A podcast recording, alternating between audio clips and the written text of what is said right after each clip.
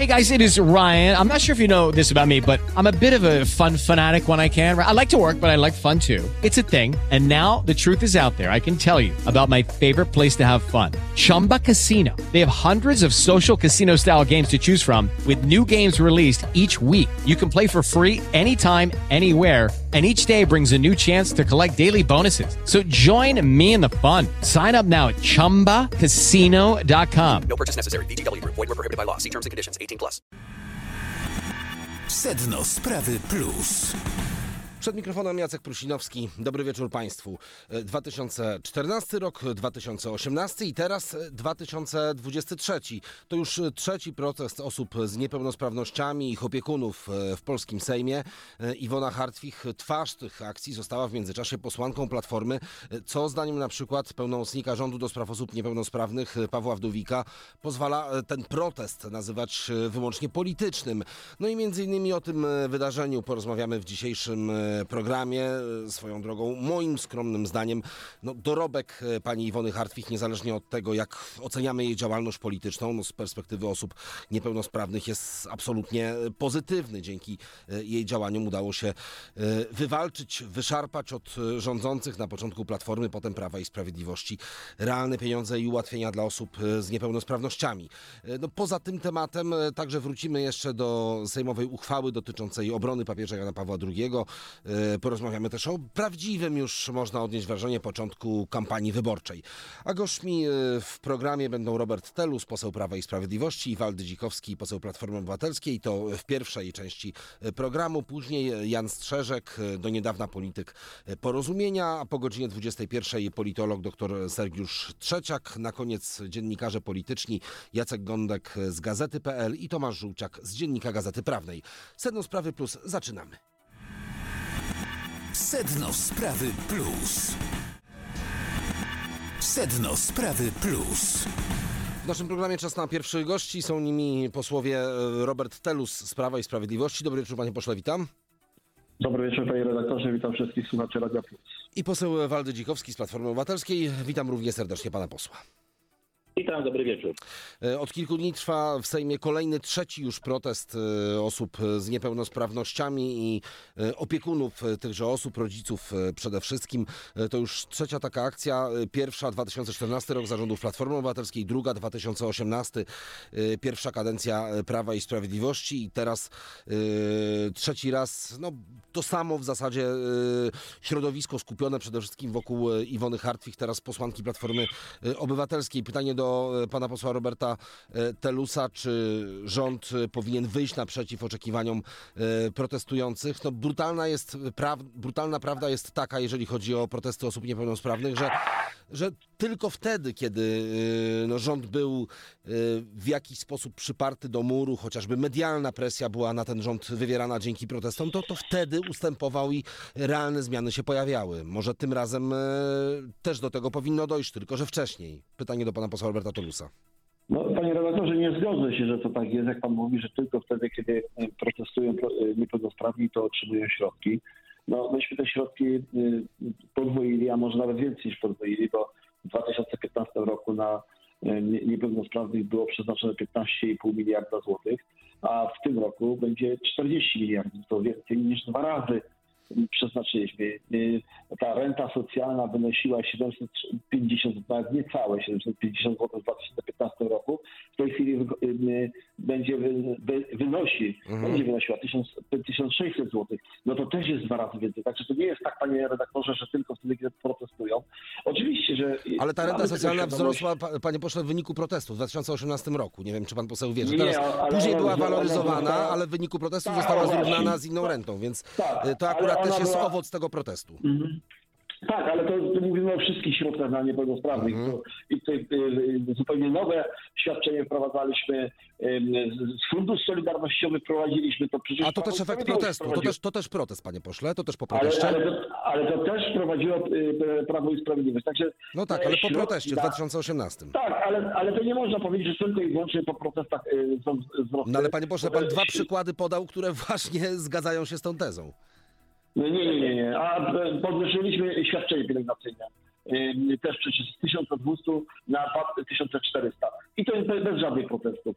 Podwyższyliśmy ym, dofinansowanie do warsztatów terapii zajęciowych i bez żadnych, bez żadnych protestów. No tak jak powiedziałem, środki y, na niepełnosprawnych w 2015 roku były 15,5 miliarda. Oczywiście, że jest inflacja, my też to rozumiemy.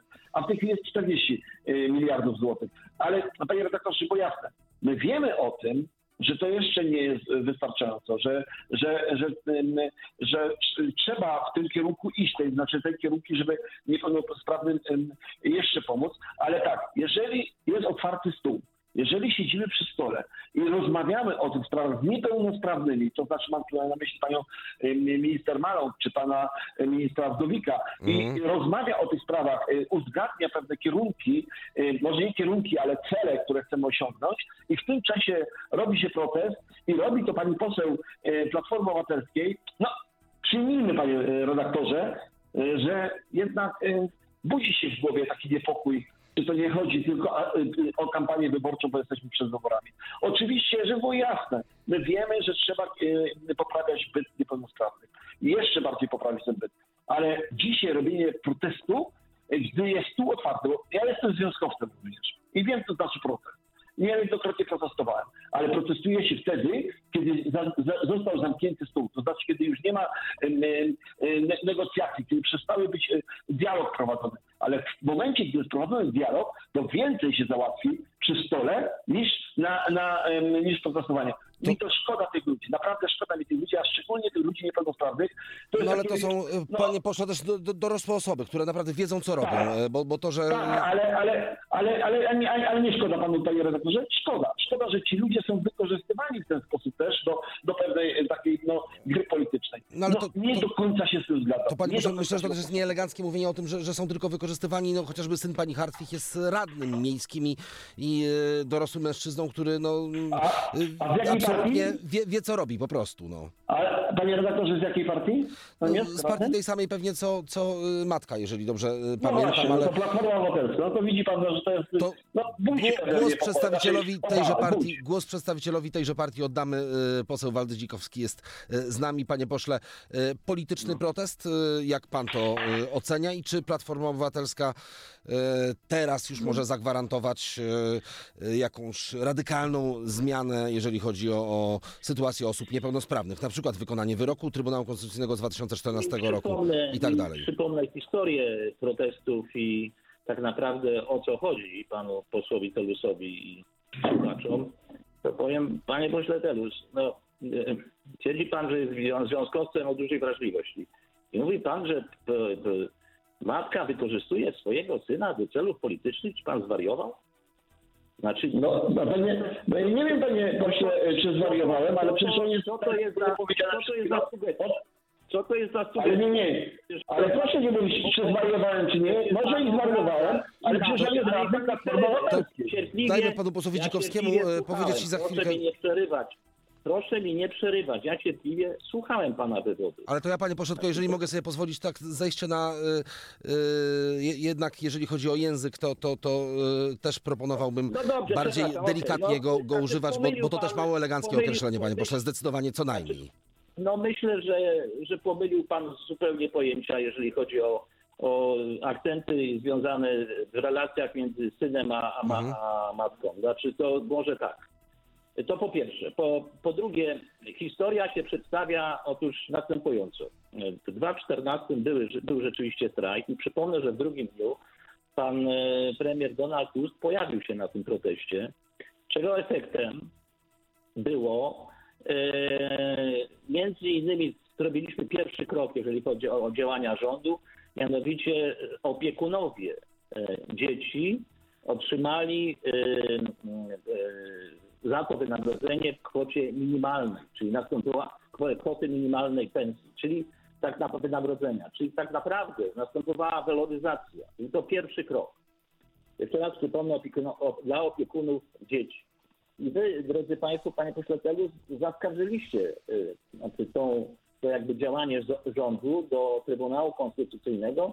Się okazało, że mieliście rację w 2014.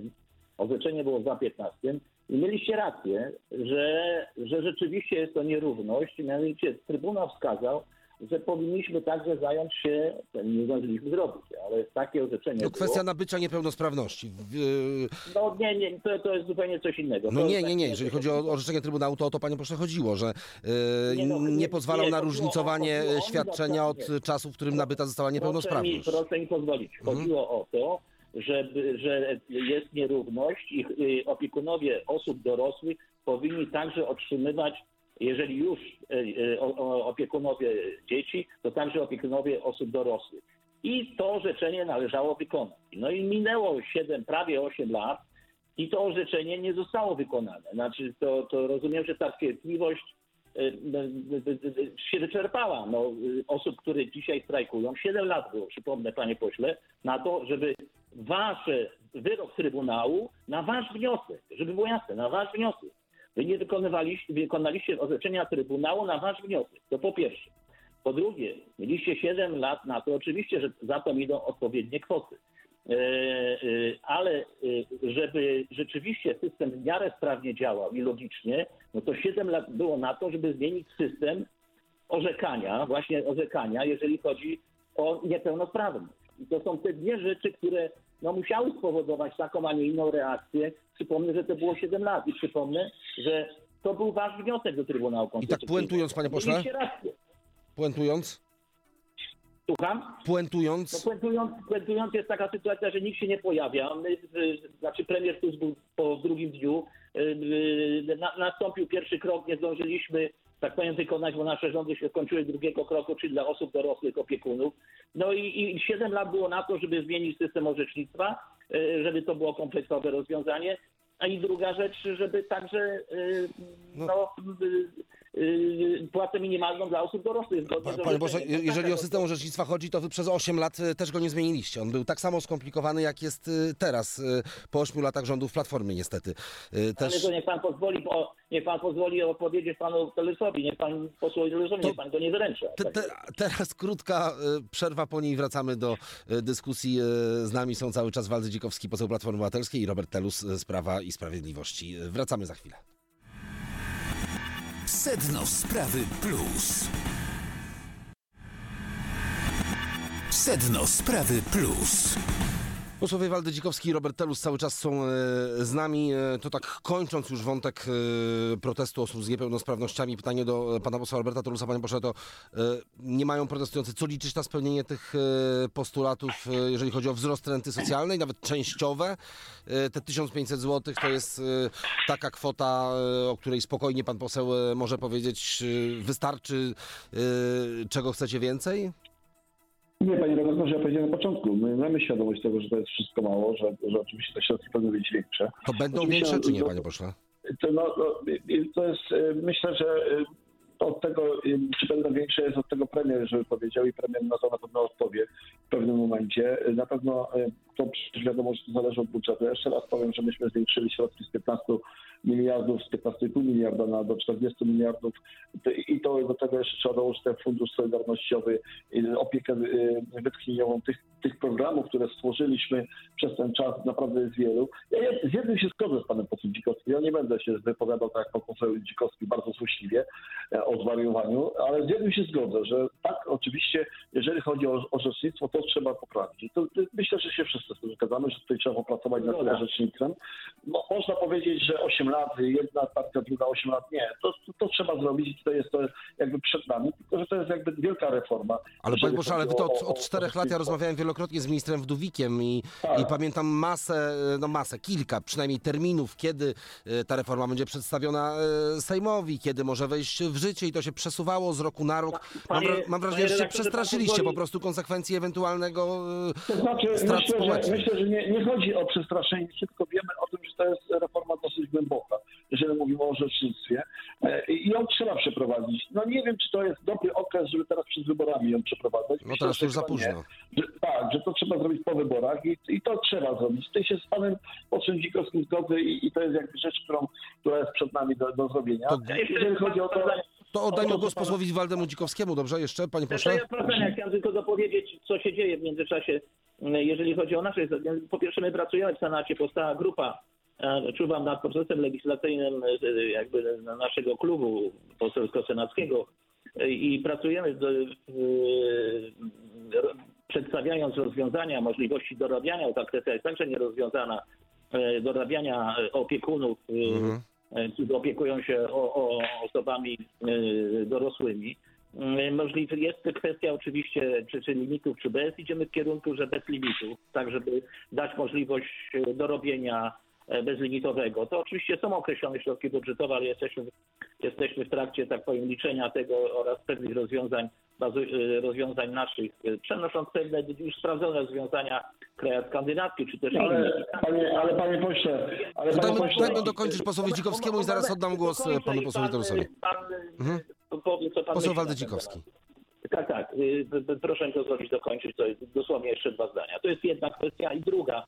No, y, państwo protestujący, protestujące osoby były u ministra Wdówika i y, tak powiem minister Wdówik powiedział, że przedstawi określone jakieś propozycje rozwiązania do piątku. Także z moich informacji wynika, że czekają protestujący cierpliwie na to, co powie co powie pan e, minister. No to przypomnę tylko, że jeszcze raz, panie pośle Telus, rozumiem i mieliście rację, że jak Trybunał orzekł, jeszcze raz powtarzam, na, waszą, e, na wasz wniosek Trybunał zajął się sprawą tej nierówności. My nie zdążyliśmy tego drugiego kroku zrobić, no bo skończyły się nasze rządy. No i wydać 7 lat czas, żeby, no i rozumiem, że cierpliwość jakby osób się skończyła. No, tak, tak się zdarzyło, że pani po, dzisiaj e, pani Iwona Harcik jest, e, jest posłanką, no ale to nie zmienia postaci rzeczy, że e, opiekuje się osobą niepełnosprawną i, i proszę pamiętać, że to jest relacja syna i matki, a nie, a nie e, polityka i, po, i polityczki. No to, to, to nie jest tak. To jest coś ważniejszego, coś bardziej wrażliwego, panie pośle. I poseł Robert Telus. Panie, pośle, no ja mam, y, y, wychowuję dziecko niepełnosprawne, czy w tej chwili dorosłego człowieka niepełnosprawnego i wiem, co to znaczy, także nie musi mi pan tego uczyć. A jeżeli, no chyba tutaj nie składałem ani ja, ani pani redaktor, że pani poseł jest z Platformy Obywatelskiej jest, jest z Platformy Obywatelskiej, jest radnym, jest politykiem, także tutaj no, jest to polityczne, polityczne osoby to organizują i to, i to chyba pan nie, nie, nie zaprzeczy, że tak jest i, i oczywiście jest to matka i syn i, i wiemy o tym, ale są, jest to polityczny i ja powiedziałem jeszcze raz, jeżeli stół jest otwarty, jeżeli są y, przy stole negocjacje, jeżeli idą w dobrym kierunku i naprawdę wiele osób niepełnosprawnych, znam wiele matek z osobami niepełnosprawnymi, co z głębokim, z głęboką niepełnosprawnością, bo ja, ja y, jestem, wychowujemy z żoną y, oso, osobę nie z głębokim upośledzeniem, ale są z głębokim upośledzeniem i widzą to, że się zmienia. I ja mam wiele osób, które dziękują nawet za to, że się, że się zmienia, że te środki są tak, zwiększają się na niepełnosprawnych, tak jak powiedziałem, więcej niż dwukrotnie się zwiększyły to i, i wszystkie, wszystkie e, składniki i dodatkowy fundusz e, solidarnościowy. Także to idzie w dobrym kierunku. I dzisiaj robienie protestów w kampanii wyborczej jest jasne. Jest po prostu jasny sygnał o to, co rzecz to krótko, panie pośle, już poproszę, dobrze? Waldy Dzikowski? Już ko- końcówka, kropka Mhm. na i dosłownie. Proszę mi pozwolić, panie redaktorze. Jasne? Y, Dosłownie kropka na i. Mianowicie chodzi o to, że my złożyliśmy projekt, projekt tożsamy z projektem obywatelskim, projekt poselski, który, tak powiem, no, może nabrać szybką ścieżkę i możemy nad tym procedować, zastanowić się, pochylić się w komisjach. Y, Myślę, że to byłby także ukłon w stronę, y, jeszcze raz powtarzam, y, opiekunów i osób niesamodzielnych, niepełnosprawnych. Ale i dobrze by było i dobrze by było tę ścieżkę przyjąć i po prostu przynajmniej się w komisjach zastanowić nad kierunkiem. Zobaczymy, co też powie pan Wdówik w piątek. Ale chciałem powiedzieć... Jeszcze- W czwartek, nawet w czwartek, bo mówił dzisiaj w Radiu Plus, że w czwartek przedstawi te propozycje Fundusz. Solidarnościowy to nie tak do końca, bo on był kiedyś na rzecz osób niepełnosprawnych. Tak by dokładna nazwa była. Zlikwidowaliście ten fundusz jako w tej nazwie. Fundusz Solidarnościowy tak naprawdę pełni rolę e, banku, po, po, który pożycza pieniądze na wypłacenie trzynastek, y, no, i czyli, czyli y, zapożyczenie pieniędzy od osób, które, e, które też To panowie, żebyśmy- żebyśmy zdążyli jeszcze No, jeden temat poruszyć, to poseł Robert Telus, dobrze? Jeszcze ostatnie zdanie. No, pan poseł ciągle mówi, co zrobimy, co proponujemy, mówi to, że mamy projekty, a, my, a ja mówię to, co zrobiliśmy do tej pory. I Fundusz Solidarnościowy myśmy założyli. I, i, i propozycji, y, nad którymi pracujemy w ministerstwie jest bardzo dużo, jest bardzo, jest bardzo dużo, mówię, mówię o niepełnosprawnych, jest bardzo dużo propozycji, ale ja o nich w tej chwili nie mówię, dlatego że wy, jeżeli wypracujemy, jeżeli wypracujemy i będziemy, i będą to propozycje takie, które będą przyjdą do Sejmu, będziemy rozmawiać. Pan też mówi o projektach do przodu. No, to są to jest tylko i wyłącznie e, życzenia, które pan ma, a nie jakieś, jakiekolwiek e, no, takie prawdziwe e, propozycje.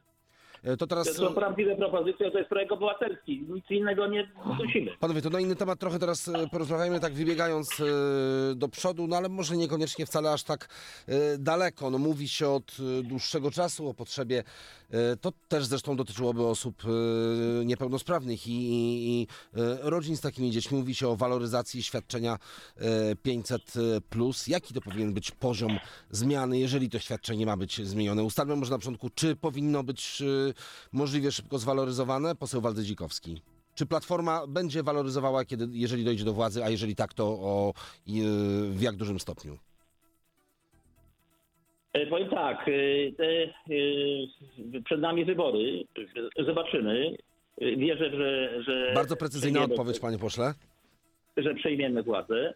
I wtedy to wpierw, po pier- pierwsze musimy zapoznać, co nam w tych szufladach PiS zostawił. No bo proszę zobaczyć, że teraz wypłata trzynastki jest rozporządzenie, które powoduje to, że nie ma pieniędzy w budżecie państwa i PiS musi zapożyczyć się w funduszu celowym, funduszu yy, demograficznym. No, yy, w związku z tym yy, yy, już nawet nie ma funduszu solidarnościowego, czyli fundusz pomocy demograficznej po- pożycza pieniądze funduszowi solidarnościowemu. No to już tak, już nawet nie budżet, tylko jeden fundusz funduszowi drugiemu. Tym bardziej, że trzynastki były wypłacane z funduszu solidarnościowego i nawet jedna rata została, tak powiem, umorzona. No, czyli pożyczane są pieniądze, które miały być gromadzone na rzecz osób, które kiedyś przejdą na emeryturę, a które dzisiaj pracują. I to jeszcze na niekorzystnych warunkach. Jasne, ale panie pośle, ale, ale dosłuchają nas pewnie też potencjalni wyborcy ale- Platformy. To co mogą usłyszeć Ja od Platformy, tak, jeżeli chodzi o proszę 500 plus? Panie redaktorze, powiem tak. Te pieniądze nie są rządu. Jeżeli sytuacja finansowa pozwoli na to i bez, bezpieczne będą finanse, budżet państwa polskiego dla wszystkich obywateli, to te pieniądze nie są Donalda Tuska, posła Dzikowskiego, tylko to są pieniądze podatników, ludzi. I nikt nie będzie je chował. Jeżeli będzie nas stać na to, to oczywiście tak. Tylko musimy zobaczyć, co nam PiS zafundował, jeżeli chodzi o finanse publiczne. No, ale, ale to cze, czego, panie pośle, e, Platforma Obywatelska nie wie, jeżeli chodzi, chodzi o finanse publiczne? Rozumiem, że w ustawie budżetowej wszystkiego nie ma, ale już na przykład unijne statystyki e, mieszczą Ale jak to- najbardziej to e, w sobie też te fundusze, które są poza budżetem państwa. Przed chwilą panu powiedziałem, jaka jest sytuacja finansowa, że musi, mu- musi być rozporządzenie, które pożycza pieniądze na wypłacenie trzynastek. Pan dzisiaj chce, żebym ja odpowiedział, tak powiem, jakby jeszcze raz powtórzę to. To nie są pieniądze posła Dzikowskiego. To są pieniądze ludzi. Jeżeli te pieniądze się należą, jeżeli te będą pieniądze, a musimy to zobaczyć, co nam PiS zostawił, bo na razie to panu podaję przykład. No nie ma pieniędzy w budżecie na wypłacenie trzynastek. No. No to, to jasne, że tak. Pan mnie pyta o pieniądze ludzi. Rząd nie ma swoich pieniędzy. To są pieniądze także osób niepełnosprawnych, proszę pana, i osób tych, które pobierają zasiłek. I jeżeli państwo będzie bezpieczne pod względem finansowym, państwo po to powstało, żeby dać ich pieniądze ludziom, tych, którzy je potrzebują. To pytanie do pana posła Roberta Telusa. No jeżeli chodzi o stan państwowej kasy, to, to, to Prawo i Sprawiedliwość e, ma tutaj e, wiedzę na pewno e, najlepszą. To, to panie pośle, e, możemy spodziewać się, czy nie, waloryzacji świadczenia 500+, a jeżeli tak, to jak bardzo to świadczenie wzrośnie i kiedy? Oczy, oczywiście, panie redaktorze, że tak. Zacznę od tego, że e, w 2015 roku budżet państwa wynosił e, dwa- e, 270 miliardów, 280 miliardów. E, W tej chwili wynosi ponad 600 miliardów. Tyle udało nam się zdobyć więcej dla budżetu. To dlaczego w Każdym razem, e, 2016 tutaj- roku wprowadziliście 500+, i w Bardzo- 2023 to jest ciągle 500 zł, jeżeli tych środków jest tyle Ale- więcej, panie pośle? Ale, panie redaktorze, momencik. Mhm. Y, Zaraz powiem o tym też. Zaraz o, o tym powiem. My pokazujemy, że stan państwa jest w bardzo dobrej kondycji i, i pokazujemy i, i, i robimy wszystko, żeby to wprowadziliśmy do 500.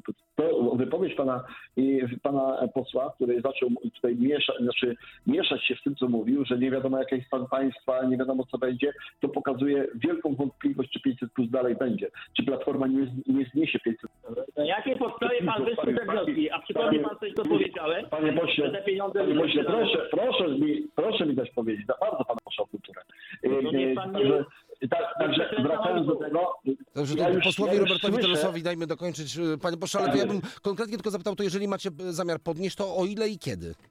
Panie re- redaktorze, y, wszystko ogłosi premier w najbliższym czasie. Będzie to ogłoszone i proszę się spodziewać tego, że, że waloryzacja będzie przygotowana, tylko że musimy, y, musi to ogłosić premier dnia.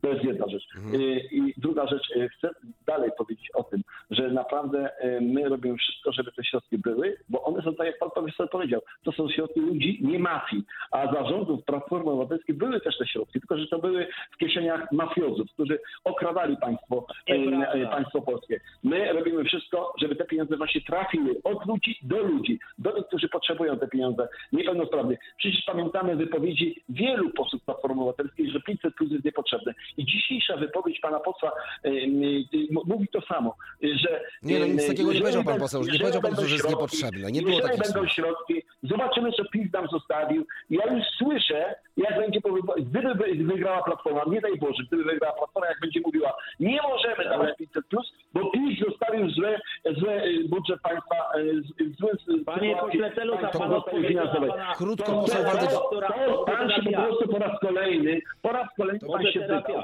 że, że wy zrobicie wszystko, żeby cofnąć. Oskarżyć Dajmy posłowi Dzikowskiemu teraz jeszcze żeby- żeby- żeby cofnąć te środki, które daliśmy Polakom. Polakom się środki należą, bo to są środki Polaków, a nie ma, Panie nie ma panie, panie I poseł Waldek Panie Celus, czy ja mogę teraz... Tak, poseł Panie Waldek pośle, Dzikowski. żeby już nie toczyć tej, tak powiem, naprawdę mało sympatyczną, bo pan albo nie słyszy, a, a jak słyszy, to przekręca moje słowa. Pan nie odpowiedział na redaktora, pana redaktora pytanie o ile, kiedy, co, jak. Jak znacie nawet kasę, to pan żąda ode mnie, ja powiedziałem, to są pieniądze ludzi, pan powtórzył po mnie y, rzecz y, świętą i taką... Nie ma fiozów, nie ma fiozów. Poseł posłowi waszych czasów Dzikowskiemu było dokończyć. Ja, ale niech pan mi pozwoli. Ja panu powiem jedną rzecz. Wie pan, kto daje, odbiera, a ten się w piekle poniewiera. Niech pan zapamięta, że- była taka. Którą, uczyła mnie mama i ja ją stosuję i tak do ją stosujemy. I niech pan przestanie przekręcać moje zdanie. Chyba ta stara maksyma, którą wychowała pana, panu mama, moja i, i, i, i pana, chyba panu wystarczy i niech pan już skończy przekręcać moje słowa. To po pierwsze. Po drugie, pan też nie odpowiedział, Ale ile... ja nic nie przekręcam, pan to powiedział. Pan premier Morawiecki ogłosi. Jeszcze raz powtarzam, że to są pieniądze ludzi, jeżeli będzie bezpieczeństwo. Każdy polityk tak odpowie. To oczywiście, że waloryzacja tak i maksymalna, jaka to będzie możliwa, żeby zapewnić bezpieczeństwo na wykonywania Jeżeli, jeżeli nie dacie tych pieniędzy mafiozom, z funkcjonowaniem państwa polskiego. I tyle, i aż tyle. To na tym możemy naszą rozmowę zakończyć. Bardzo panom e, dziękuję za tę jakże e, miłą i merytoryczną e, dyskusję. Posłowie Robert Telus, Prawo i Sprawiedliwość. Bardzo panu posłowi dziękuję dziękuję. bardzo. I posłowi bardzo, Dzikowskiemu dziękuję równie serdecznie. Pozdrawiam panów, życzę miłego wieczoru. Naszych słuchaczy zapraszam na kolejne odsłony Sena Sprawy Plus. Zostajemy do godziny 22. Sedno Sprawy Plus. Sedno Sprawy Plus. A naszym gościem jest teraz e, Jan Strzeżek, były rzecznik e, porozumienia, teraz e, bielański radny. Dobry wieczór, witam serdecznie.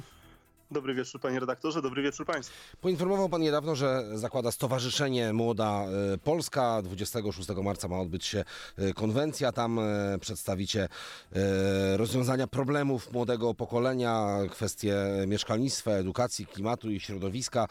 To młodzi zadecydują o wyniku tegorocznych wyborów. Tak pan napisał w mediach społecznościowych. No tyle, że o wyniku wyborów to chyba nie stowarzyszenia, a, a i, o, i o potem o samym rządzeniu to decydują nie stowarzyszenia, a partie polityczne. Dlaczego stowarzyszenia, a nie partia polityczna w takim razie? Dlatego panie redaktorze, że jestem przeciwny tworzeniu kolejnych e, bytów partyjnych na opozycję, a zresztą wielokrotnie Ale to taki system polityczny publicznej. mamy, że, że to rządzą partie polityczne, a nie Ale stowarzyszenia. oczywiście, panie redaktorze, i dlatego ja jestem gorącym zwolennikiem tego, żeby środowiska, żeby nie powstawały kolejne partie polityczne, Mhm. tylko żeby środowiska na opozycji raczej ze sobą współpracowały i się łączyły. I to jest uważam najlepsze rozwiązanie.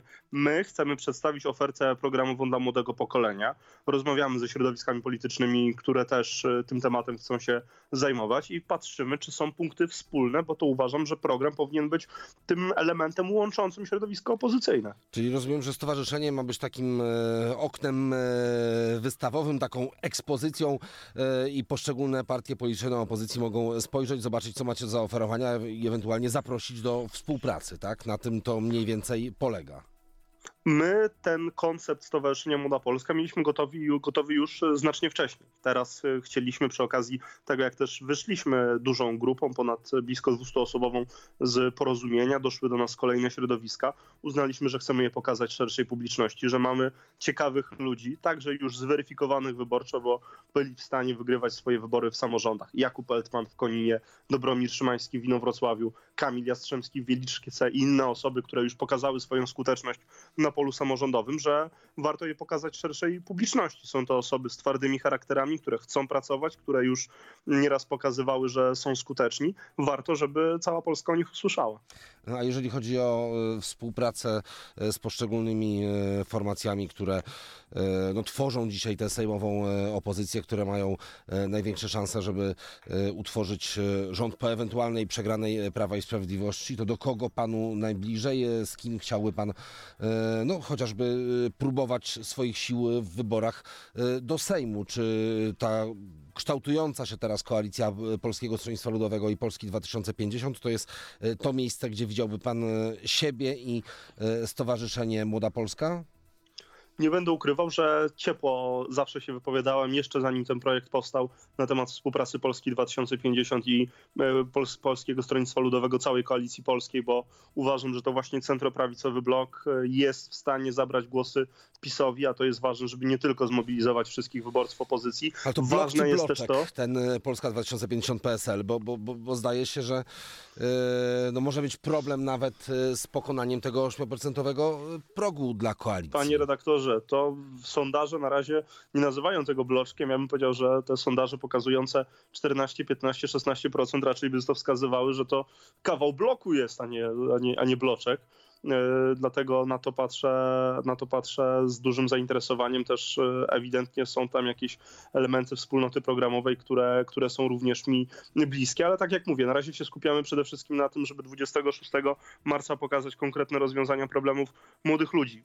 My rozmawiamy w Warszawie i pan redaktor jest w studiu w Warszawie i ja jestem w Warszawie. No musimy sobie zdać sprawę z tego, że e, to młodzi ludzie też mierzą się z gigantycznym problemem, to znaczy kawalerka za 3000 zł w Warszawie to już nie jest nie jest e, odejście od normy, tylko jest to niestety patologiczna rzeczywistość. I państwo sobie z tym elementem absolutnie nie poradziło. Między innymi odpowiedzi na to, jak rozwiązać ten problem, chcemy przedstawić 26 marca. Tak samo, nie wiem, czy pewnie pan na pewno widział, tak samo nasi słuchacze, kwestia gigantycznej przemocy wśród e, młodzieży. Jutro zresztą sam będę w tej sprawie organizował konferencję prasową w Łodzi, dlatego że również tutaj PiS nie jest w stanie zadbać o to, żeby młode pokolenie po prostu było bezpieczne w swoim miejscu nauczania. No to dramatyczne historie, które e, no, ostatnio e, mogliśmy oglądać, e, faktycznie no, nie najlepiej świadczą o tym, jak wyglądają relacje między młodymi ludźmi i, i w ogóle no, o, o bezpieczeństwie też e, młodzieży tej e, dorastającej, ale panie rzeczniku jeszcze e, o porozumieniu chwilę porozmawiajmy. Czy porozumienie to już jest taki byt, o którym należałoby mówić w czasie przeszłym przede wszystkim, bo teraz przyszłość porozumienia to współpraca z Agrounią i Michałem Kołodziejczakiem. Wiele osób, jak pan mówił, odeszło z partii po tym, jak doszło do zawarcia tej e, no, niecodziennej, e, mo- można powiedzieć egzotycznej dosyć e, koalicji. To jest już prosta droga do końca tej formacji, do, do, do zakończenia tej kilkuletniej historii? Odeszło rzeczywiście wiele osób, nie tylko to środowisko młodych, które tworzyło porozumienie, ale także poseł Michał Wypij, przewodniczący Rady Miasta w Nowym Sączu Krzysztof Głódz, wielu innych też uznanych samorządowców swoich regionach.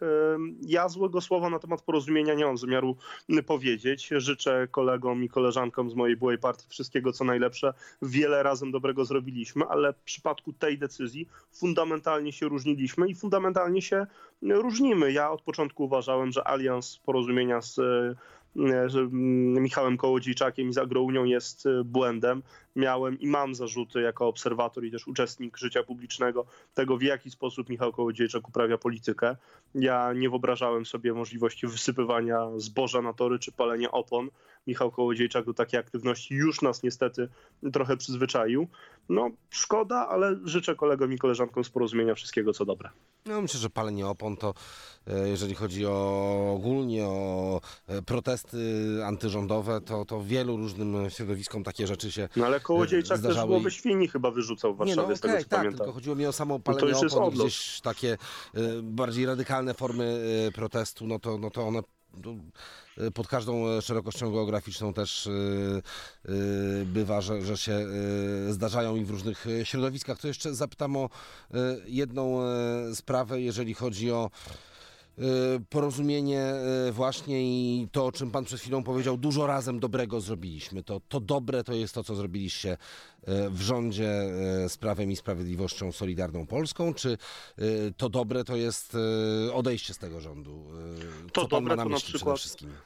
Wiele dobrych rzeczy. Tutaj na przykład kwestia wprowadzenia ułatwień dla przedsiębiorców, to robił Jarosław Gowin, gdy był e, wicepremierem i ministrem odpowiedzialnym za gospodarkę. Kwestia małego ZUS-u, e, zachowanie całego środowiska w przypadku wyborów kopertowych i tego, że to właśnie determinacja e, kolegów i koleżanek z porozumienia doprowadziła do tego, że obecny prezydent, ktokolwiek zostałby prezydentem w 2020 roku, gdyby wybory kopertowe się odbyły, nie miałby legitymacji demokratycznej. Udało się uchronić Polskę przed kompromitacją. Udało się zrobić nieźle ocenianą reformę nauki i szkolnictwa wyższego. To również zasługa e, Jarosława Gowina. Także To, to tych inaczej rzeczy, jeszcze których... pytanie postawię. E, Pan bardziej jest dumny, czy bardziej się wstydzi, że e, współtworzył obóz Zjednoczonej Prawicy i przez kilka lat przykładał rękę do rządów tejże Zjednoczonej Prawicy w Polsce?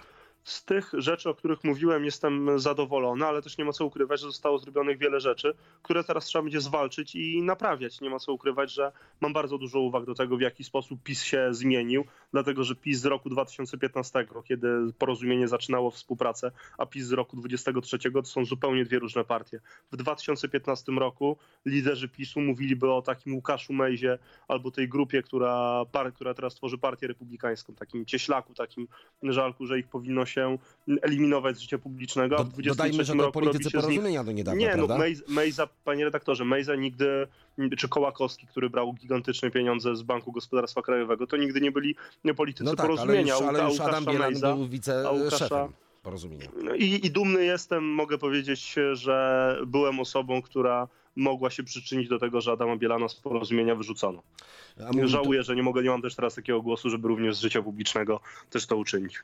No, Adam Bielan w polskim Mam- życiu publicznym to już dwie dekady y, pewnie Panie jest redak- mam nadzieję, panie redaktorze, że nasi szanowni słuchacze, którzy również są wyborcami, pomogą w przyszłym roku w wyborach do Parlamentu Europejskiego, żeby Adam Bielan już mógł odpocząć. No ale to właśnie, wyborcy zdecydują, y, kto będzie Otóż miał to. odpocząć, a kto będzie miał się wziąć do, do ciężkiej pracy. Bardzo dziękuję tymczasem za y, tę rozmowę. Jan Strzeżek, y, były rzecznik porozumienia, teraz szef y, Stowarzyszenia Młoda Polska, 26 marca, y, konwencja tego właśnie stowarzyszenia i propozycje dla młodych osób. Dziękuję bardzo, miłego wieczoru. Kłaniam panu się jeszcze życzę. miłego wieczoru. Do usłyszenia. Państwa zapraszam na drugą godzinę Sedna Sprawy Plus. Już za kilka minut kolejny, kolejni goście, kolejne tematy. Sedno Sprawy Plus. Sedno Sprawy Plus. Przed mikrofonem Jacek Prusinowski, na łączach witam doktora Sergiusza Trzeciaka, e, politologa, prawnika, eksperta w zakresie wizerunku e, publicznego, ale też e, autora bloga Szlak trafił, Szlak przez K. E, Przypomnę Państwu e, i e, blog już nie tylko o polityce, ale przede wszystkim o budowaniu marki osobistej, o tym jak odnaleźć się w życiu i karierze, jak widzę na stronie tegoż bloga. Dobry wieczór Panie doktorze, witam serdecznie. Dobry wieczór. Ale teraz porozmawiamy o polityce, o kampanii wyborczej, która już można powiedzieć, że na dobre się rozpoczęła. Tak, ta kampania wyborcza się już zaczęła i ona oczywiście będzie nabierać tempa, będzie sinusoida, bo zawsze tak jest na kilka miesięcy przed wyborami, że będą przyspieszenia, e, zahamowania, ale rzeczywiście będzie można mówić o mm, generalnym e, przyspieszeniu i coraz intensywniejszych działaniach poszczególnych graczy na rynku politycznym. E, Wiele osób, politycy, no ale także e, eksperci, dziennikarze mówią, że to najważniejsze wybory od e, 1989 roku. Czy to jest taki e, banał, panie doktorze, coś, co słyszymy przed każdymi wyborami, że te są właśnie najważniejsze? Czy tym razem, no może z racji tego maratonu wyborczego, tej, tej serii po wyborach parlamentarnych, czyli europejskie, samorządowe i prezydenckie w kolejnym roku, Może stąd ta ważność y, większa niż zazwyczaj. Jak y, pan na to patrzy? Oczywiście zawsze należy zadać pytanie, dla kogo będą to najważniejsze wybory. No, można powiedzieć, że dla wszystkich Polaków, ale można też powiedzieć, że są to ważne wybory. Nie wiem, czy najważniejsze, ale są to bardzo ważne wybory i dla Prawa i Sprawiedliwości, bo one będą decydowały o tym, czy uda się przekroczyć magiczną granicę 8 lat sprawowania rządów. Żadnej mm, partii politycznej, czy szerzej koalicji wyborczej po 1989 roku się to nie udało, więc to byłby rekord w historii e, dem- demokracji trzeciej RP. To też e, będą ważne wybory z punktu widzenia opozycji, bo e, ma po 8 latach szansę odzyskać władzę.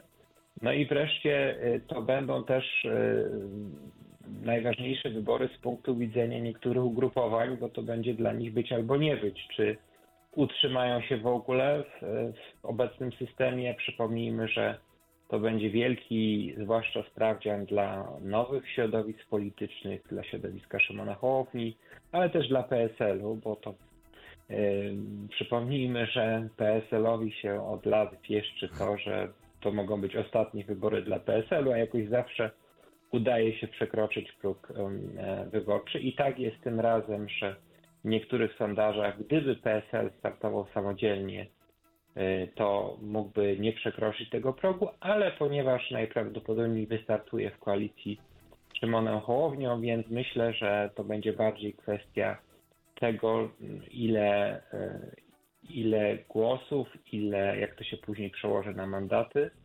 Także y, rzeczywiście można powiedzieć, nie wiem czy najważniejsze wybory, ale na pewno będą to szczególne wybory, szczególnie ważne dla wielu środowisk politycznych i nie tylko, bo myślę, że dla większości obywateli.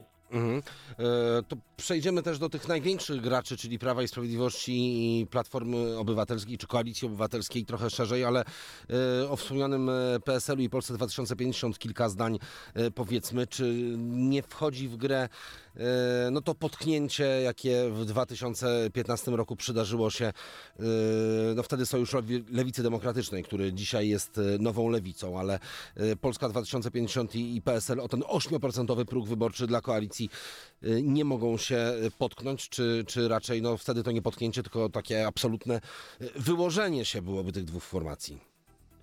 To rzeczywiście byłoby, byłaby klęska e, obu formacji, natomiast rzeczywiście my możemy oceniać e, na dzień dzisiejszy. I dzisiaj sondażowo raczej takie ryzyko jest, e, no, nazwijmy to minimalne, bo tutaj nie ma takiego prostego zliczania, czyli na przykład, nie wiem, dodawania poszczególnych e, głosów poparcia na oba ugrupowania. E, y, to troszeczkę inaczej wyborcy to liczą, natomiast rzadko się zdarza tak, żeby mm, średnia sondażowa odbiegała kilkadziesiąt procent od e, tego, co jest, e, znaczy realny wynik odbiegał kilkadziesiąt Mhm. procent Od średniej sondażowej. Więc teraz możemy powiedzieć, że nie ma takiego zagrożenia, zwłaszcza jeżeli te e, środowiska startowałyby razem, no bo nawet, nawet mają kilkunastu, szansę na kilkunastoprocentowe poparcie. Natomiast oczywiście nie wiemy, co będzie za kilka miesięcy. Jeżeli by się okazało, że na przykład e, nagle straciłby poparcie ruch Szymona Hołowni, a tego też nie da wykluczyć, bo tutaj mogą być różne okoliczności, i ten ruch byłby bliski progu wyborczego i PSL byłby poniżej progu, no to wtedy może być jakiś bodziec, który w ogóle przetasuje scenę polityczną, bo wtedy mogłoby dojść do, do sytuacji, w której te obie formacje, no, e, e, no to jakby Wór pokutny i do Donalda Tuska, tak by się udały. w ostatniej chwili uznałyby, że jednak warto się pogodzić z Donaldem Tuskiem i nagle Szymon Hołownia uznałby, że jednak Donald Tusk nie jest takim złym e, koalicjantem, no ale to oznaczałoby już, że faktycznie Donald Tusk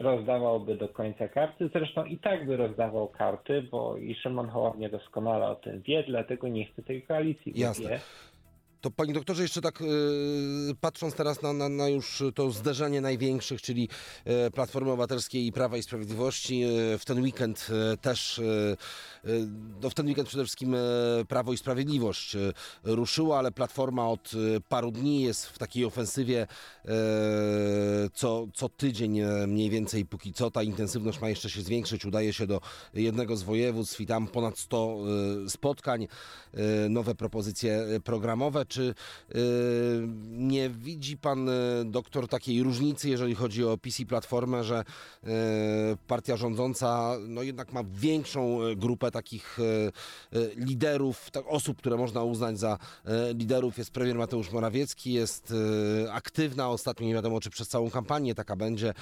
Była premier Beata Szydło, no wróci też na kampanijny szlak z pewnością Jarosław Kaczyński, jeżeli zdrowie mu na to pozwoli. No w Platformie jest Donald Tusk i długo, długo e, nic. No teoretycznie też Rafał Trzaskowski e, mógłby się bardzo zaangażować, ale e, no z wieloma politykami Platformy ostatnio rozmawiałem o, o, tym, jak on będzie widoczny w tej kampanii. No i niektórzy mówią, że no nie bardzo widzą taką wolę po stronie prezydenta Warszawy. Jak pan doktor to ocenia, jeżeli chodzi o drużynę Prawa i Sprawiedliwości i trochę osamotnionego Donalda Tuska? Czy widać faktycznie taką różnicę, czy przesadzam trochę? Myślę, że rzeczywiście zawsze formacja rządząca ma więcej twarzy do pokazania, bo są premie, e, premierzy. mi- Same funkcje, tak? Dają ten bonus rozpoznawalności funkcje. większy i tak dalej, tak? Tego dociążenia. Zdecydowanie rozpoznawalność liderów formacji rządzącej będzie zawsze większa niż e, opozycji. E, I to w przypadku Platformy Obywatelskiej, to samym liderom Platformy zależy, żeby no, oni byli twarzami, żeby tych twarzy nie było zbyt wiele. Natomiast pamiętajmy, że twarz e, to jest też osoba, na której ciąży odpowiedzialność za wynik wyborczy. I Rafał Trzaskowski myślę, że e, będzie schowany tak długo za Donaldem Tuskiem, e, znaczy to w pewnym sensie jest i plus i minus, bo jeżeli okazałoby się, że Platforma nie uzyskałaby dobrego wyniku, no to w pewnym sensie to działa na plus Rafała Trzaskowskiego, bo zawsze można powiedzieć, że no, twarzą był Donald Tusk i w związku z tym ten wynik nie był taki, jaki e, mógłby być. A z, z kolei, jeżeli okaże się, że Platforma ma wysokie notowanie w sondażach, no to Rafał Trzaskowski może chcieć e, rzeczywiście uaktywnić się e, w, w kampanii wyborczej, no to, to będzie działało na jego, e, na jego korzyść.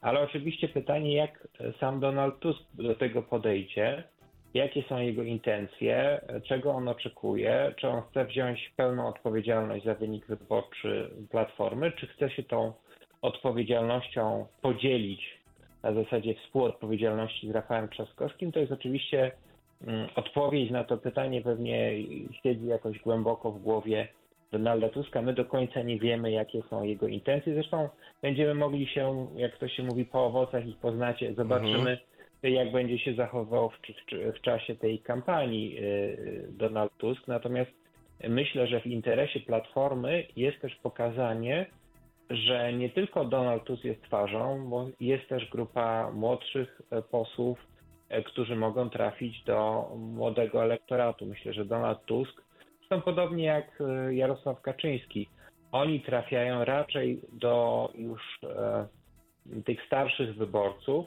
i każda formacja, która chce wygrywać wybory i stawia na przyszłość, musi też pokazać e, młodszą twarz swojej formacji, trochę innych polityków, no bo e, apelujących do innych grup wyborców, dlatego pokazuje się też kobiety e, na, na, na listach wyborczych i wśród nie tylko na listach, ale jako liderki formacji politycznych, żeby właśnie pokazać, że e,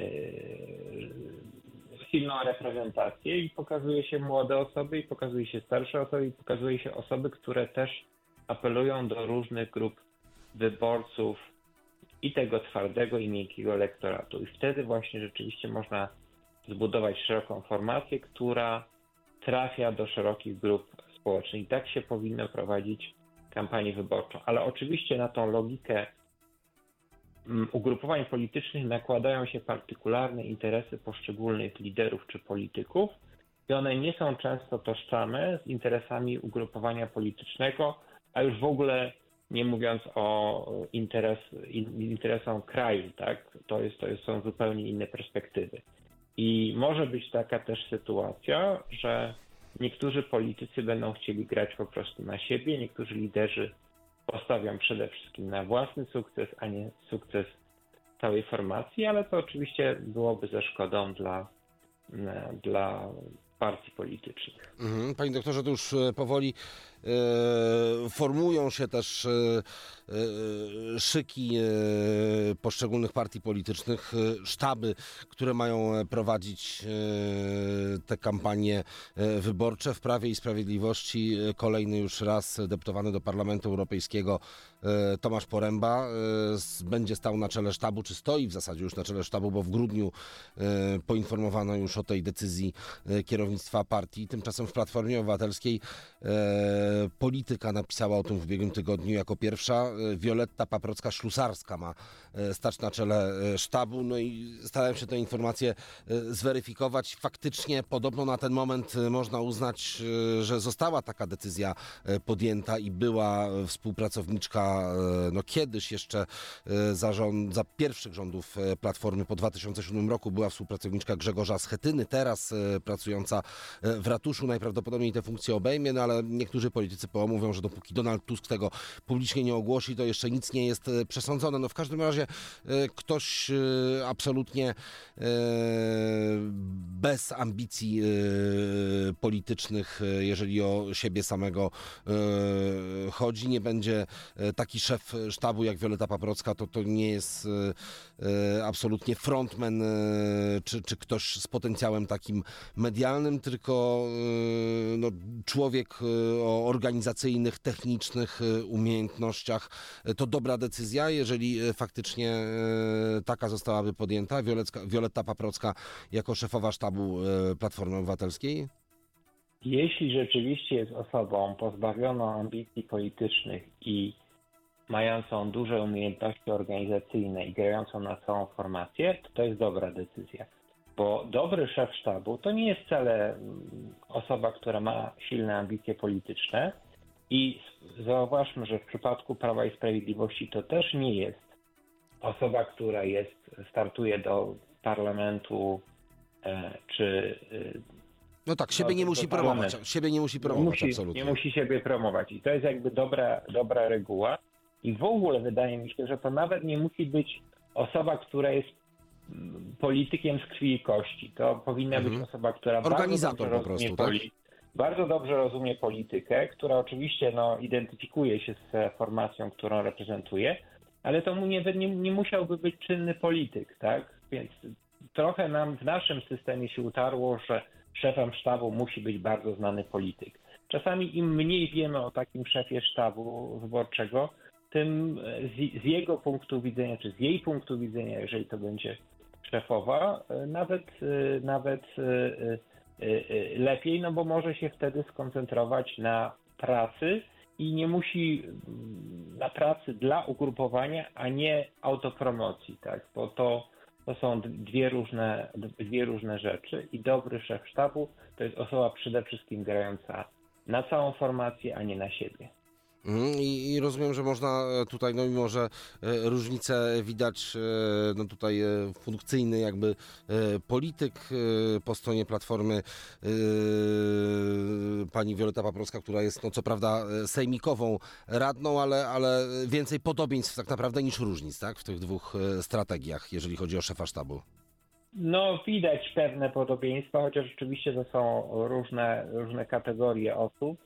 E, Natomiast, e, natomiast zobaczymy też, bo w przypadku e, pani Paprockiej mniej o niej wiemy, tak? W, Mhm. przypadku w przypadku posła Poręby, to to już dał się poznać wcześniej jako szef sztabu. Znamy jego wystąpienia medialne, natomiast no, wiemy mniej więcej, jak sobie radził w poprzednich kampaniach, natomiast no, nowa szefowa sztabu Platformy, jeśli te informacje oczywiście się powtórzą, e, to jest nie, dla niej też olbrzymia szansa, no bo też nie jest w żaden sposób obciążona, no ale też nie wiemy, nie wiemy, też jest duża odpowiedzialność, która będzie na niej ciążyła. To jest najtrudniejsza chyba praca, którą można przez te e, parę czy kilka miesięcy kampanii mieć e, w Polsce. Naprawdę ciężka praca, 27, e, e, znaczy 24 godziny e, na 7 dni w tygodniu, niemalże oczywiście, tak, no bo, no bo z, krótkimi przerwami następnie. Naprawdę bardzo ciężka, intensywna, przynajmniej tak to powinno wyglądać Mhm. oczywiście Nie no, jasne. w, w teorii. Ale, ale z perspektywy mojej dziennikarza i e, pana doktora, e, czyli badacza, osoby zajmującej się polityką, to, to też e, e, może przede wszystkim niezwykle interesujące doświadczenie, e, szefowanie takiej e, kampanii. Ciężka praca, ale, ale chcielibyśmy pewnie e, też na, na chwilę w skórę takiego szefa kampanii, szefa sztabu wejść. To, to, to doświadczenie na pewno niezwykle interesujące. Bardzo dziękuję za tę rozmowę. Doktor Bardzo Sergiusz dziękuję. Trzeciak, specjalista od wizerunku politycznego, od marketingu politycznego, autor e, podcastu Szlak e, trafił, szlak przez K. E, Przypominam, Jak trafić na właściwy szlak. to na już, to, to, to wszystko w podcaście pana doktora Sergiusza Trzeciaka, który serdecznie Państwu polecam.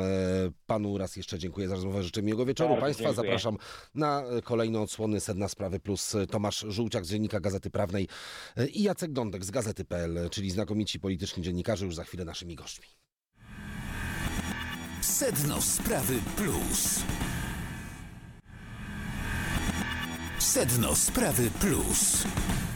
Moimi Państwa gośćmi są teraz Jacek Gądek z portalu Gazeta.pl. Dobry wieczór, witam. Dobry wieczór. I Tomasz Żółciak z Dziennika Gazety Prawnej. Równie serdecznie witam. Dobry wieczór. Dobry wieczór.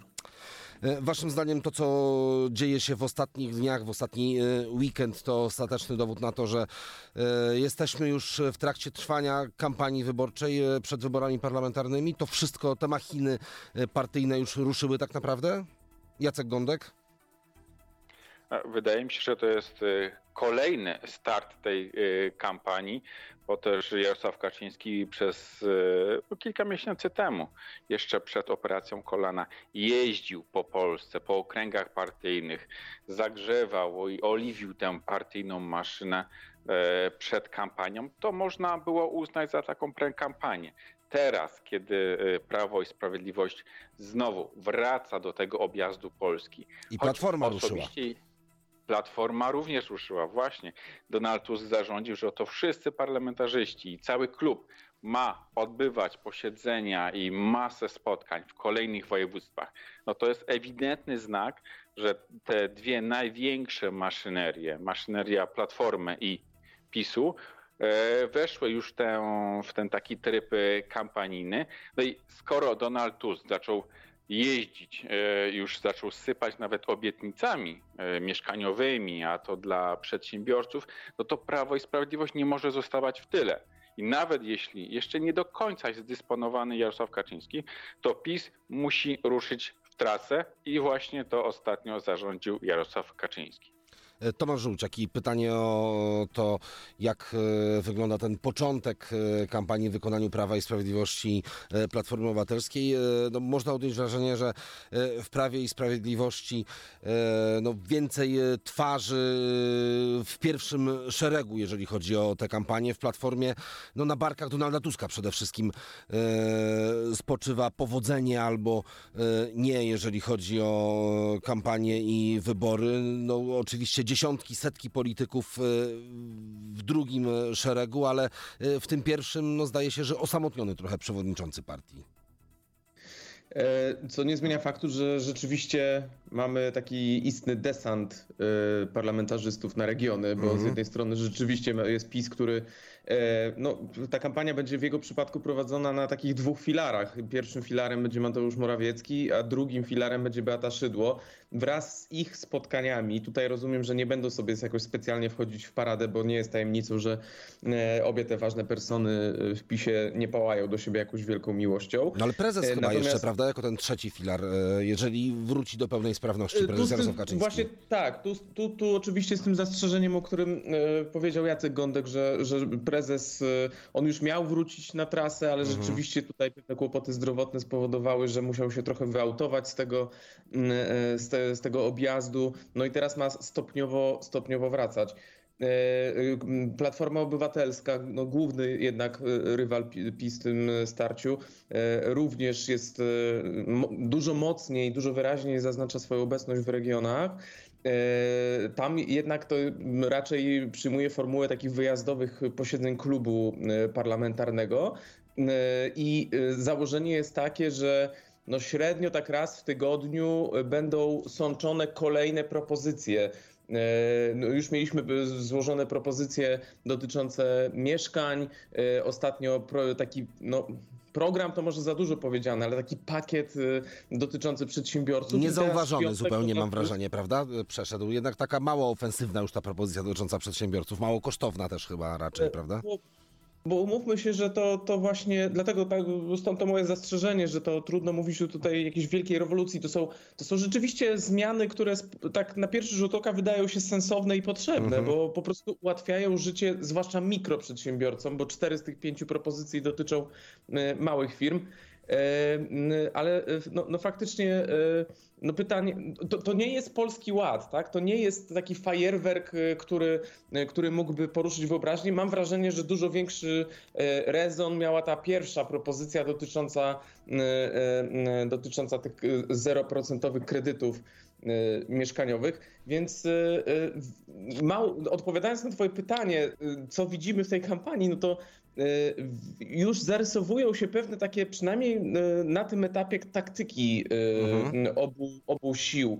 To znaczy, z jednej strony mamy PiS, który widać, że zamierza na tym przynajmniej etapie kampanii po prostu grać melodie, które jego wyborcy już dobrze znają, lubią i uważają za wiarygodne. Stąd na przykład ten pomysł, e, żeby dosypać pieniędzy sołtysom, tak jak wcześniej e, e, do- doceniono finansowo koło gos- gospodyń wiejskich czy, czy stra- strażaków ochotników. No a program Platformy, no to choćby na przykładzie tego pakietu dla przedsiębiorców, to można tak krótko streścić, że to jest, e, to, to ma taki sznyt sprzątania po PiSie, sprzątania po Polskim Ładzie, korygowania błędów, e, które, do których się dopuściła ta, ta ekipa. No zobaczymy, co będzie na kolejnym etapie. W piątek Donald Tusk ma kolejne wystąpienie i możemy się spodziewać, że będzie jakaś kolejna propozycja no, o takim programowym e, sznycie. Mhm. A jeżeli chodzi o Platformę Obywatelską Donalda Tuska i także Rafała Trzaskowskiego, to e, jak widzicie jego rolę w tej e, kampanii, bo no, od polityków Prawa i Sprawiedliwości, Platformy Obywatelskiej, z którymi też pewnie często rozmawiacie, ja przynajmniej w ostatnim czasie słyszałem kilka takich opinii, no, że ciągle nie wiadomo na ile e, prezydent Warszawy e, będzie chciał włączyć się e, w tę kampanię, czy, czy, czy on się zaangażuje na tyle, na ile będzie musiał, żeby jakieś minimum pokazać dobrej woli i, i, i będzie czekał na ewentualne potknięcie Donalda Tuska, czy jednak da z siebie więcej, żeby móc no, też ogrzać się w blasku ewentualnego zwycięstwa. Jacek Gądek, ile będzie Rafała Trzaskowskiego w tej kampanii?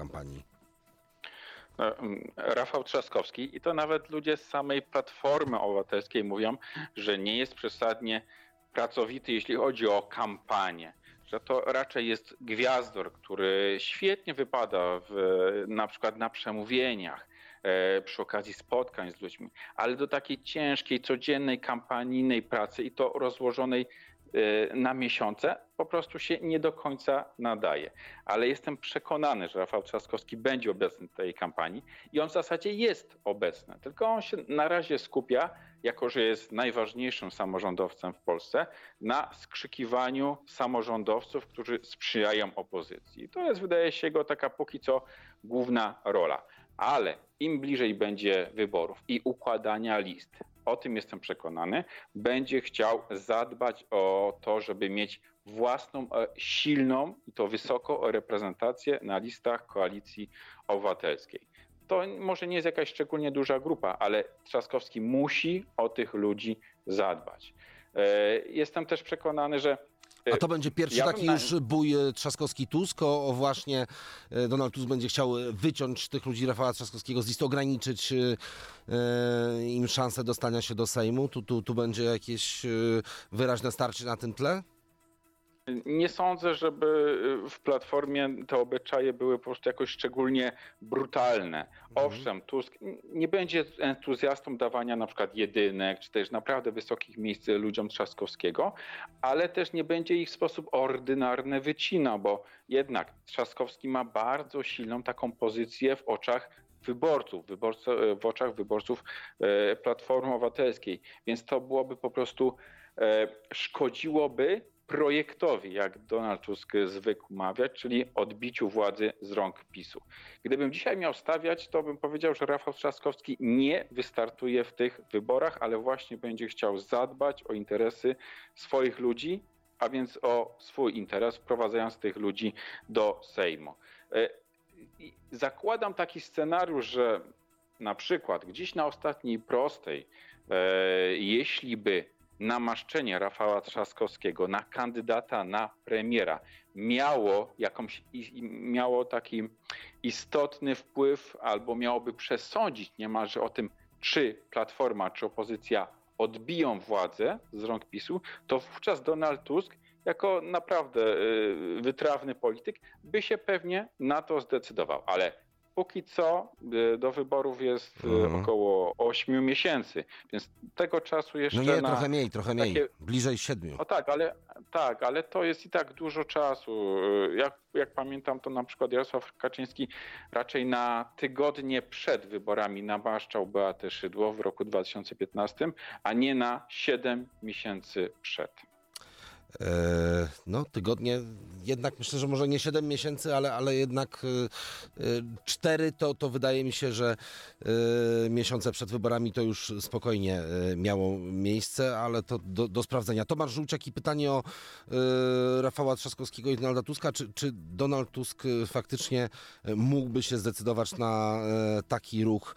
E, mógłby zrobić miejsce Rafałowi Trzaskowskiemu, bo ja mam wrażenie, e, ale może się mylę, że no nie po to wrócił i nie po to teraz e, zasuwa wręcz Donald Tusk. Od miesięcy już i, i przez kolejne miesiące będzie to robił, żeby no, przygotować miejsce dla Rafała Trzaskowskiego, żeby nie, nie aż przyszło mi do głowy biblijne porównanie, e, prostujcie ścieżki i tak dalej, e, no, no nie, nie będzie chyba robił miejsca Donald Tusk temu, który ma potem objąć władzę i miałby to być Rafał Trzaskowski. Ja oczywiście zgadzam się z takim oglądem sytuacji, bo zapewne poparty podobnymi przesłuchami, mhm. o których opowiedział Jacek Gądek. To znaczy, mm, mogę to jedynie uzupełnić o taką kwestię, że tutaj mamy do czynienia tak, napra tak naprawdę z takimi ścierającymi się dwiema frakcjami, które mają swoje racje w, w platformie. To znaczy, stronnicy Rafała Trzaskowskiego był taki moment, że sączyli taki przekaz, że jeżeli Trzaskowski miałby wejść w tę kampanię, no to na, na swoich zasadach, a nie na zasadach narzuconych przez Tuska, że, że on będzie tylko pełnił rolę takiej trampoliny dla, dla platformy Tuska. E, no, w związku z tym była taka sugestia, że e, Trzaskowski mógłby wejść w kampanię, ale pod warunkiem, że e, czy dopiero w momencie, kiedy zagrany zostanie ten scenariusz pod tytułem wymiana kandydata na mhm. premiera. Z drugiej strony mamy stronników mm, Donalda Tuska, którzy e, wyznają taką e, e, filozofię, że no nie możemy robić tego samego, co robi PiS.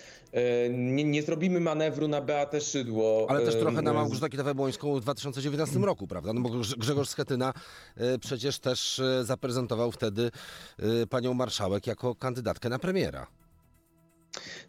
No tak, no ale wszyscy, wszyscy wiemy mniej więcej jak to, to się potoczyło. E, no, w, w delikatnie mówiąc, i, i w, wydaje się, że e, e, w tej sytuacji dużo po prostu będzie zależało od tego, w jakiej sytuacji Platforma będzie na te powiedzmy parę tygodni przed wyborami. To się będzie wszystko rozstrzygało naprawdę już blisko mhm. tych, tych wyborów. I czy Donald Tusk, właśnie widząc, że e, osiągnął jakiś szklany sufit i którego nie może e, przebić, e, czy schowa te swoje polityczne ambicje na bok, od, odmieni tę filozofię myślenia wśród swoich zwolenników i, i jednak ustąpi miejsca Trzaskowskiemu? No pamiętajmy, że Trzaskowski ma jeden taki niewątpliwy atut w porównaniu do Donalda Tuska, to znaczy ma dużo mniejszy taki elektorat negatywny. E, Donald Tusk często gdzieś tam przoduje w tych e, sondażach nieufności. E, Trzaskowski jest po zupełnie innej stronie, na innym biegunie tych sondaży. Często jest ich wręcz liderem, jeżeli chodzi o zaufanie. A to wynika między innymi z, z takiego faktu, że to jest polityk, który stosunkowo niedawno został zweryfikowany wyborczo i zdobył ponad e, 10 milionów głosów w wyborach prezydenckich, czym Tusk pochwalić się nie może. Ale y, gdybym na tu i teraz miał obstawiać y, jakieś scenariusze, to ja bym się też zgodził z moim przedmówcą, że na, y, nie obstawiałbym na ten moment scenariusza, w którym Trzaskowski jakoś istotnie się angażuje w kampanię, em, zwłaszcza w, z myślą o jakimś jego premierostwie. Raczej bym stawiał na scenariusz, że Platforma będzie liczyła na y, siłę czy, czy charyzmę Donalda Tuska, liczyła na błędy PiSu, których y, no, PiS zresztą się, jak widać, nie ustrzega. A Rafała Trzaskowskiego po prostu będą sobie hodować na rok 2025 e, e, na wybory prezydenckie. No, jest to tym bardziej kusząca dla nich perspektywa, że Rafał Trzaskowski miałby moim zdaniem cały czas bardzo duże szanse w tych wyborach, e, a też ciągle nie wiemy, kogo wystawi PiS i tak naprawdę mm, chyba na ten moment w PiSie, jak pytamy o to, czy już w ogóle są jakieś rozważania, kto mógłby być tym kandydatem na prezydenta, e, po zakończeniu kadencji Andrzeja Dudy, to e, słyszymy, że właściwie to, to, to, to jeszcze nie ten etap i to e, e, za wcześnie w ogóle nawet rozpocząć jakąś giełdę nazwisk, nie mówiąc już o jakimś takim, o takiej shortliście kandydatów. To teraz e, krótka przerwa w naszej dyskusji. e, Po niej e, wracamy do rozmowy. Jacek Gądek, przypomnę, i Tomasz Żółciak e, cały czas są i będą z nami. Do usłyszenia. Sedno Sprawy Plus. Sedno Sprawy Plus. A gośćmi Sedna Sprawy Plus są teraz Tomasz Żółciak z Dziennika Gazety Prawnej i Jacek e, Gądek e, z portalu gazeta.pl. Dobry wieczór, jeszcze raz Was e, bardzo serdecznie witam. Trochę rozmawialiśmy o początku tej e, kampanii wyborczej. E, Trochę teraz e, porozmawiajmy o tym, co dzieje się, jeżeli chodzi o sztaby największych partii. Polityka podała, że Wioleta Paprocka-Szlusarska ma być szefową sztabu Koalicji Obywatelskiej i z tego co wiem, to faktycznie bardzo prawdopodobne rozwiązanie, chociaż ostatecznie klamka jeszcze nie zapadła. No, politycy Platformy mówią, że dopóki przewodniczący Donald Tusk nie poinformuje publicznie o tej decyzji, to e, no, jeszcze w jakimś stopniu sprawa będzie otwarta, ale e, najbardziej prawdopodobne wydaje się jednak, że była współpracowniczka Grzegorza Schetyny, a, a dzisiaj pracująca w ratuszu Wioleta Paprocka będzie szefową e, sztabu PO, o czym e, to świadczy, że dobry organizator, ale jednak osoba publicznie bardzo mało znana e, pokieruje sztabem Platformy Jacek Gądek. No, jeśli y, szefową sztabu nie będzie osoba publicznie znana, właśnie jakaś gwiazda polityczna, tylko ktoś, kto jest bardzo sprawny organizacyjnie, a przecież y, akurat w ratuszu warszawskim, gigantycznej instytucji, no to trzeba być organizacyjnie sprawnym. Jeśli ktoś taki, raczej organizator jest, organizatorem je, y, y, będzie y, takim administratorem tej kampanii, to znaczy, że twarzą, człowiekiem numer jeden będzie absolutnie Donald Tusk. To do Donalda Tuska będą należały najważniejsze decyzje. Zresztą sam Donald Tusk to ma taki obyczaj, że oto mm, sam podejmie jakąś decyzję, być może po jakichś rozmowach z wąskim gronem swoich współpracowników, a potem publicznie to ogłasza ku zaskoczeniu wszystkich polityków Platformy Obywatelskiej, którzy potem oczywiście zaczynają bić brawo i się zgadzają i bronią tutaj pozycji e, przedstawionej przez e, Donalda Tuska.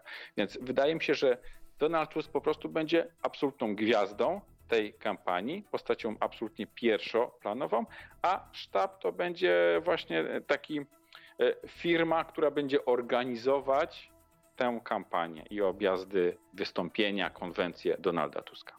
E, Tomasz Żółciak i to samo pytanie o szefową sztabu, czy, czy właśnie e, istotne jest to, żeby absolutnie nie było ryzyka, że ktoś e, chociaż w małym stopniu będzie mógł medialnie wzbudzić takie zainteresowanie, żeby, nie wiem, przykryć jakoś przewodniczącego.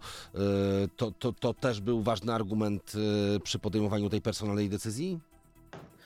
Ja myślę, że to, to mogło być istotnym argumentem. E, Do, dorzuciłbym do niego jeszcze jeden, E, ale to jest oczywiście moja jakaś e, hipoteza.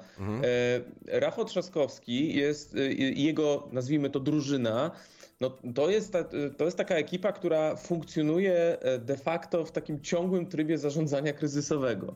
To znaczy, to Rafał Trzaskowski ze wszystkich prezydentów miast kojarzonych e, wprost związanych z opozycją, e, i to on jest na pierwszej linii e, ostrzału, jeżeli chodzi o PiS.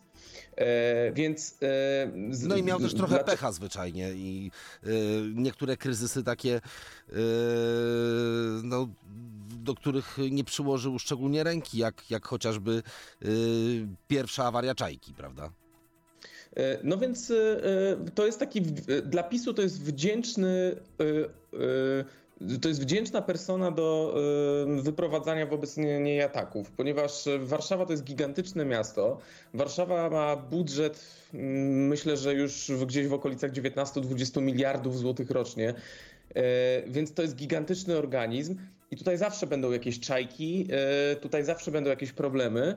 E, Ostatnio przecież była wpadka, bodajże e, Trzaskowski wybrał się w taką podróż pociągiem z marszałkiem Struzikiem z Piaseczna do Warszawy, po czym okazało się, że musieli się przesiadać, no bo tam jakieś były problemy na, ale to po stronie bodajże PKP PLK. Natomiast chodzi mi o to, że to jest stołeczny ratusz wie, jak działać e, w, w trudnych warunkach nieustannego ataku. I wydaje się, że tu, tutaj może być już zebrane jakieś know-how, jak rozbrajać pewnego rodzaju kryzysy. Oczywiście nie wszystkie się udało solidnie rozbroić. No, temat e, City Fort i e, tego, co PiS potem próbował przyklejać Trzaskowskiemu, że a to, że wprowadzi racje żywnościowe albo że będzie kazał jeść robaki. Moim zdaniem tutaj ratusz mógł, e, ta ekipa PR-owa mogła się trochę e, zachować lepiej czy sprawniej, żeby ten temat szybciej rozbroić. E, No i w, w, wydaje mi się, że tutaj też działa trzeci argument, y, jak już tak sobie listujemy. Y, No pamiętajmy też, że y, dosyć istotną rolę powierzono Sławomirowi Nitrasowi, a to też przecież Stróż jest y, Tim wyborów. Trzaskowski. Stróż wyborów, który ma organizować ruch kontroli wyborów, y, ten y, platformerski czy opozycyjny, zwał jak zwał. E, Wydaje mi się, że na jednym z ostatnich spotkań Donald Tusk powiedział, że e, e, mają około 30 tysięcy zgłoszeń. Myślę, że teraz może być więcej, bo już troszkę czasu minęło, to chyba z zeszłego tygodnia liczba.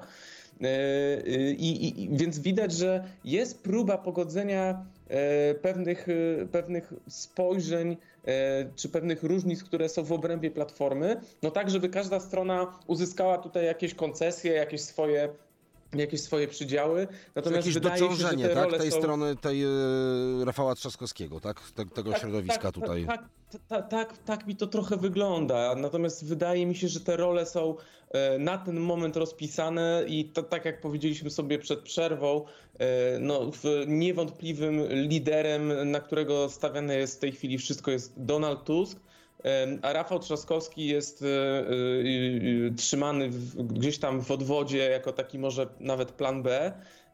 Ale wszystko to będzie się rozgrywało i wokół postaci Donalda Tuska i to, to, to, to, że próbuje się rozdzielać te funkcje różnym frakcjom, no to pokazuje, że Donald Tusk no, no w tej kwestii nie ma ochoty chyba przejechać się taranem po swoich jakichś e, ewentualnych adwersarzach wewnątrz partii, bo to by po prostu generowało e, no, jakieś, jakieś ruchy takie odśrodkowe, które, których każda partia w tym, już na tym etapie w roku wyborczym woli się po prostu ustrzegać.